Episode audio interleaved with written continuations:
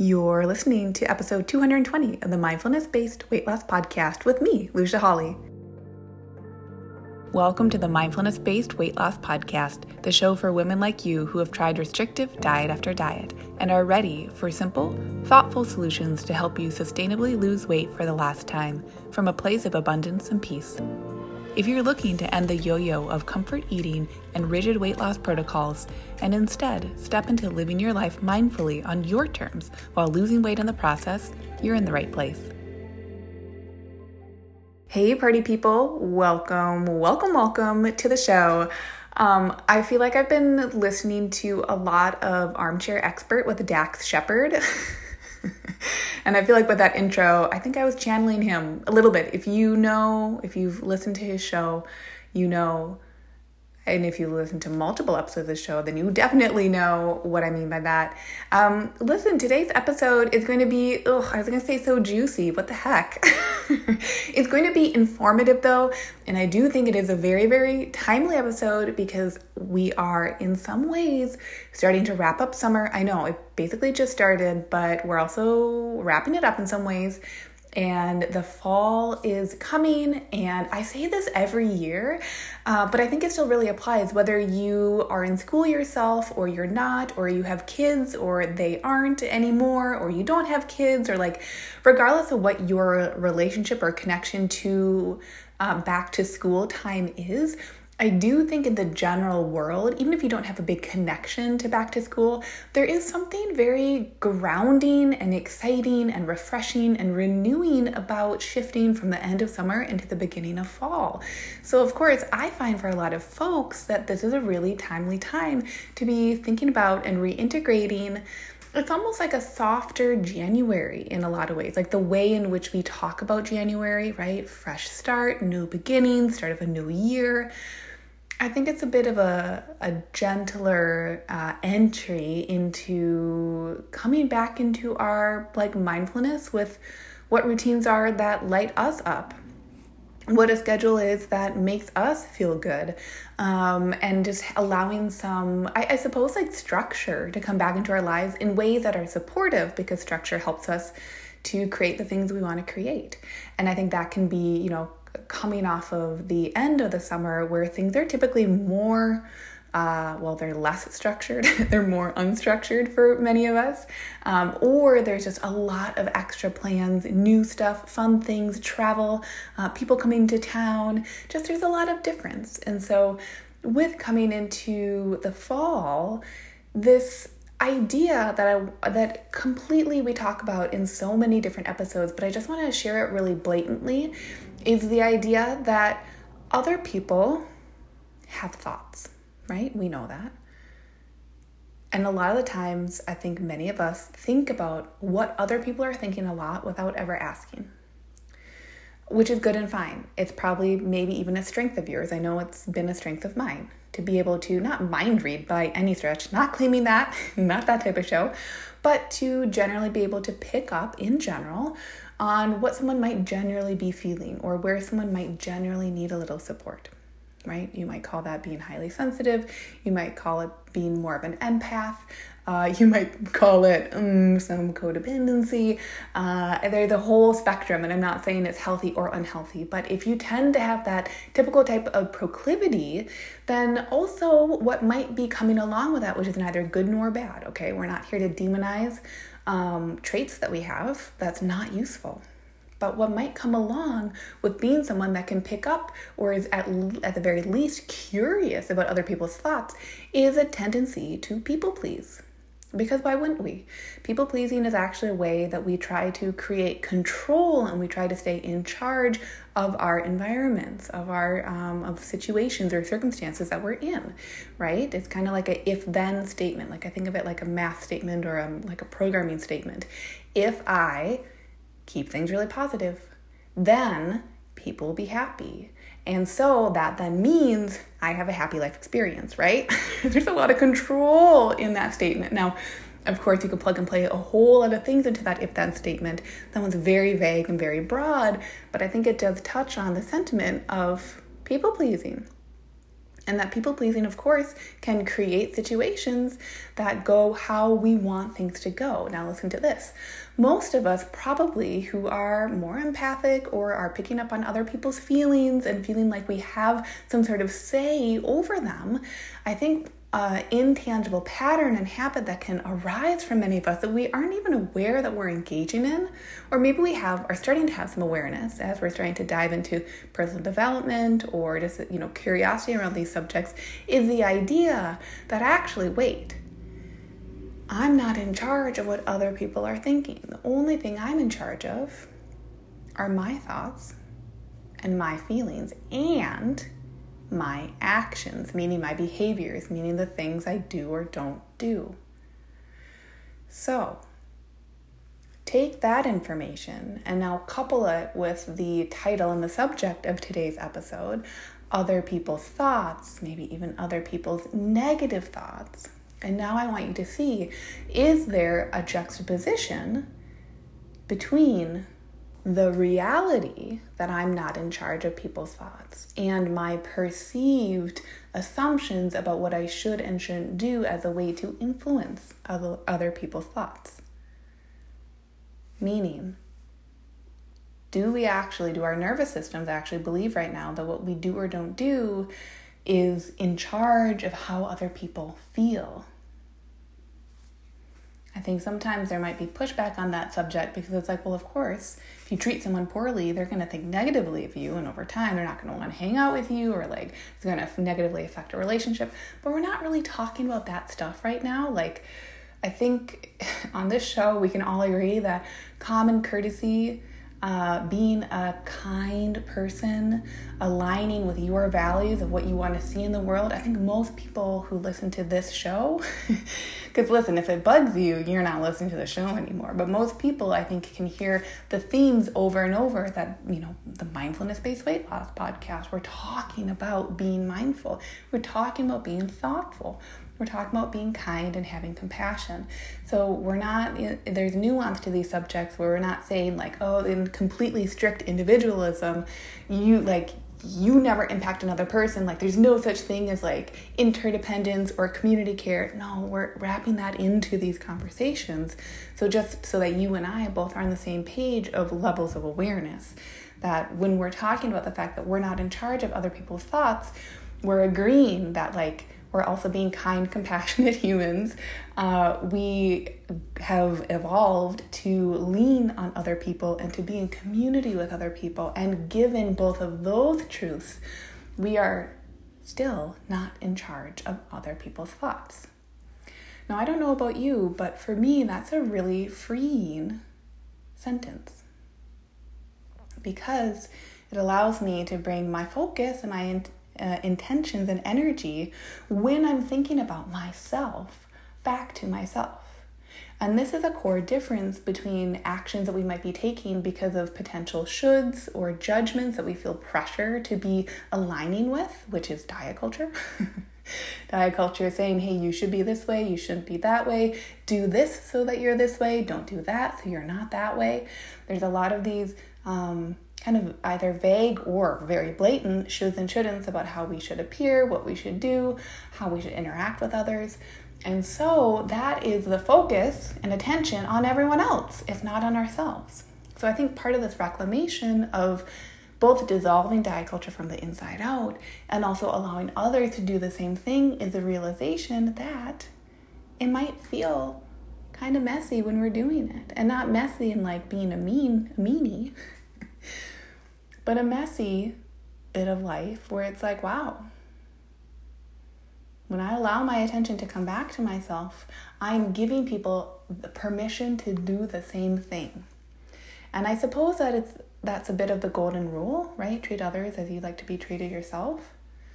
But I will tell you, when we're extricating ourselves from diet culture, so frequently we can be almost challenged with that notion. I know in different interpersonal relationships I've had over the years where people maybe treat other people in ways that I don't really value or I just realize like okay over time you know this person there's nothing wrong with them but and you know regardless of the level of relationship it is really realizing like I just don't I don't see the world and how they how they do and I can appreciate that we can have differences.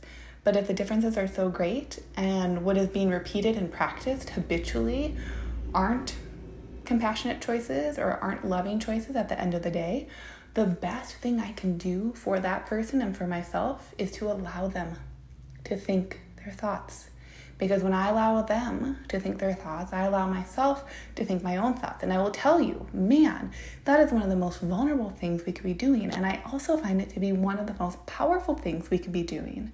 Why? Because it simplifies life so much. And I know I just went very macro with everything because I said it simplifies life, but it truly does.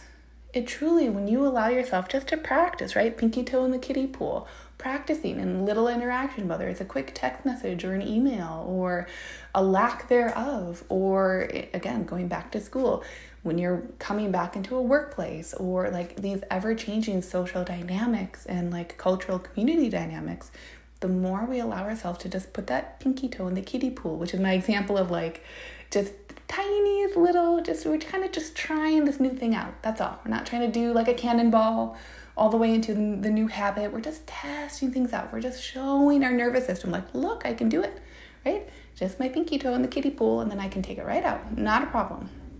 Won't overwhelm myself. I just get to practice little bit by little bit. Being able to practice releasing the expectation that other people need to think in the way that you think or that you desire to think is so damn freeing. And the way that you can implement that is exactly what I said like 1 minute ago is it's not in the grand sweeping gestures.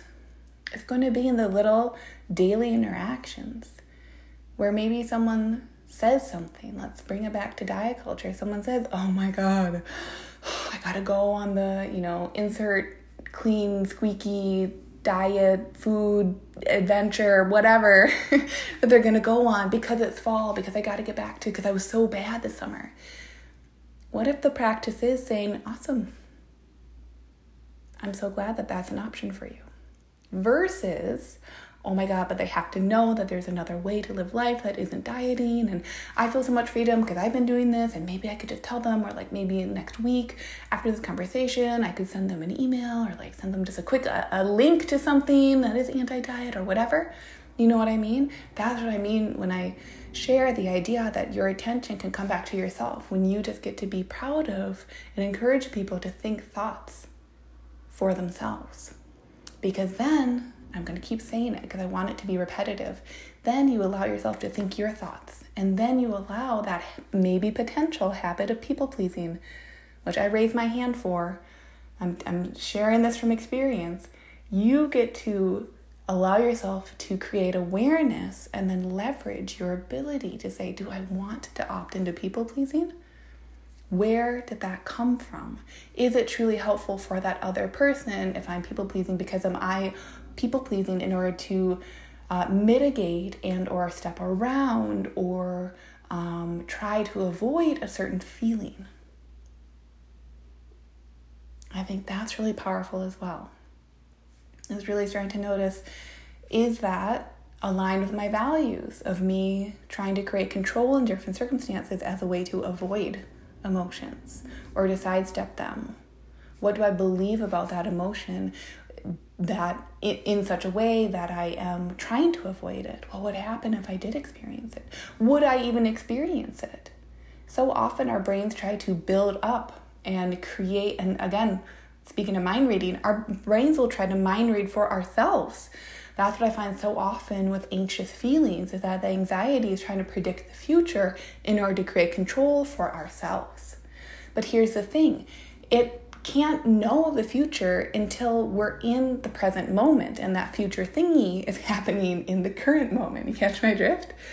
So, if anxiety is always creating a story about the future until we actually challenge that story from love and from our values, then we either avoid the thing, which then confirms the anxiety because we've avoided it, right? It's almost like confirming it, um, not by proxy, but like confirming it by omission, right? If the thing hasn't happened, then anxiety is saying, like, well, I might be right still. better to avoid it. better to sidestep, better to people please. versus actually allowing yourself to do the thing. Which, in this case and scenario, and for this episode, the thing is allowing other people to have their thoughts, including the negative ones, or including the ones that we find ourselves to be negative, but for that other person might just be another blip in their day.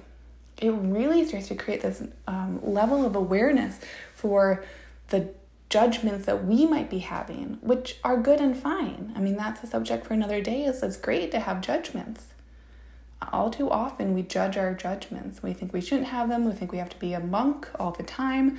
We have to be like totally zen and chill. And that's not really reality. Reality is that we have emotions. And the more real reality is when we allow ourselves to feel and flow with the emotions. And you might have heard me say this before but all our emotions are are chemical flushes through our bodies. They're not here to hurt us, they're not here to um, do anything except to be felt. And we can trust the chemical flush through our system. And the more we practice and are in the habit of dipping into the feeling and seeing that we can feel it and carry on and continue to be ourselves, the more we start to show our nervous systems it's okay. It's okay to feel anxious about anxiety. It's okay not to feel like you have to fix that or do that or do a million things in order to avoid it. What if you just get to feel that? And the more you allow yourself to feel that, or the more you allow yourself to not comment when someone makes a dieted comment about themselves, or to comment if you feel that that's appropriate, like whatever the scenario is. When you allow yourself to dip into the practice of what it is that you value, like on paper, if you were to write down, here are what my values are, here's how I believe, like I could be the most me in my life, in this one beautiful life that I have. The more we practice that, is the more we attenuate our nervous systems to be geared towards saying, oh, both and. Oh, it can be uncomfortable and I can do it anyway. Oh, I thought it would be a level 10 uncomfortable. Turns out it was a level 5. Wow, I had a prejudice about my potential to feel discomfort. Now, what do I think about that? oh, as I practice being uncomfortable, what I thought would be a 10 but was actually a 5, by the time I practice it three, four, five, six, seven, eight, nine, ten times, it's all the way down to an uncomfortable level 2. Isn't that so interesting? Isn't what that what I was looking for all the way back when I was avoiding being uncomfortable? Is to have just a little bit of uncomfortable feeling versus a lot of uncomfortable feeling.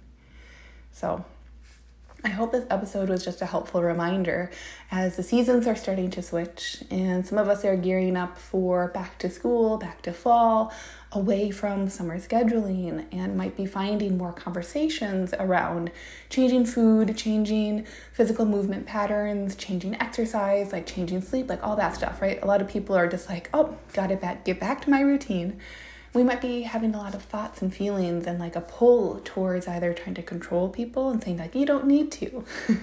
You don't ever need to do another diet again. Or oh my god should i? I'm seeing these people i love do these things or these people i'm influenced by. Maybe i should too. What if you just get to hold with those thoughts and use information that you just hung out with in this episode what if you get to use that information to your advantage this week? Instead of it being another should or have to or must or gotta or need to, really flipping it on its head and saying, like, nothing needs to change. My attention is for me, by me. I am both a sovereign being in community with other sovereign beings, and the more I practice allowing my attention to go where I'd like it to go, the more by proxy I allow other people's attention to go where they desire for it to be, and where they desire their attention to be may be in complete opposition to where I desire mine to be, and that gets to be okay. So, this was a bit of a different episode this week. Clearly, if you've been here a while, you know some weeks we talk about more of the tangible stuff, right? Calorie awareness, uh, body weight set point. And other weeks we talk about the really intangible stuff, the thought work, the awareness, the observations, because we're both bodies and brains, and our brains live in our bodies, and our bodies house our brains, and I think that's really wonderful. So, by the way, if you've been listening to the show and you've been practicing some of these different tools and ideas and principles from the show, I would encourage you, if you're looking for more support, to reach out to me because guess what? I'm enrolling for Lean and Liberated and for the fall.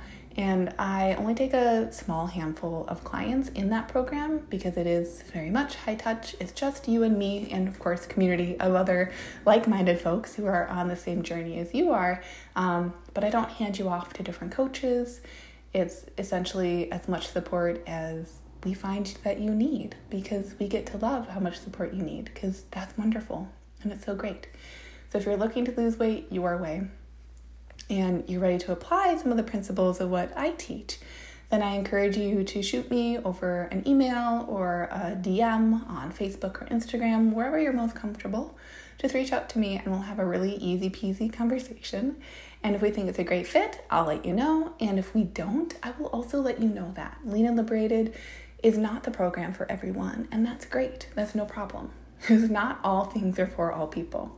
So, if you're looking to work together, I really look forward to chatting with you and seeing if that's a great fit. And if not, I'm so glad you listened to the podcast. I share so many goodies here. So just allow yourself to take what you need this week because that's absolute perfection. What could be better? So have a wonderful week, and I will see you on next week's episode. Bye. Hey, if you love today's show, I'd love for you to take a minute and give a rating with a review. If you too are ready for more women to make life choices from loving mindfulness, that means we need more women listening to this message so they know it's available to them and they can do it too.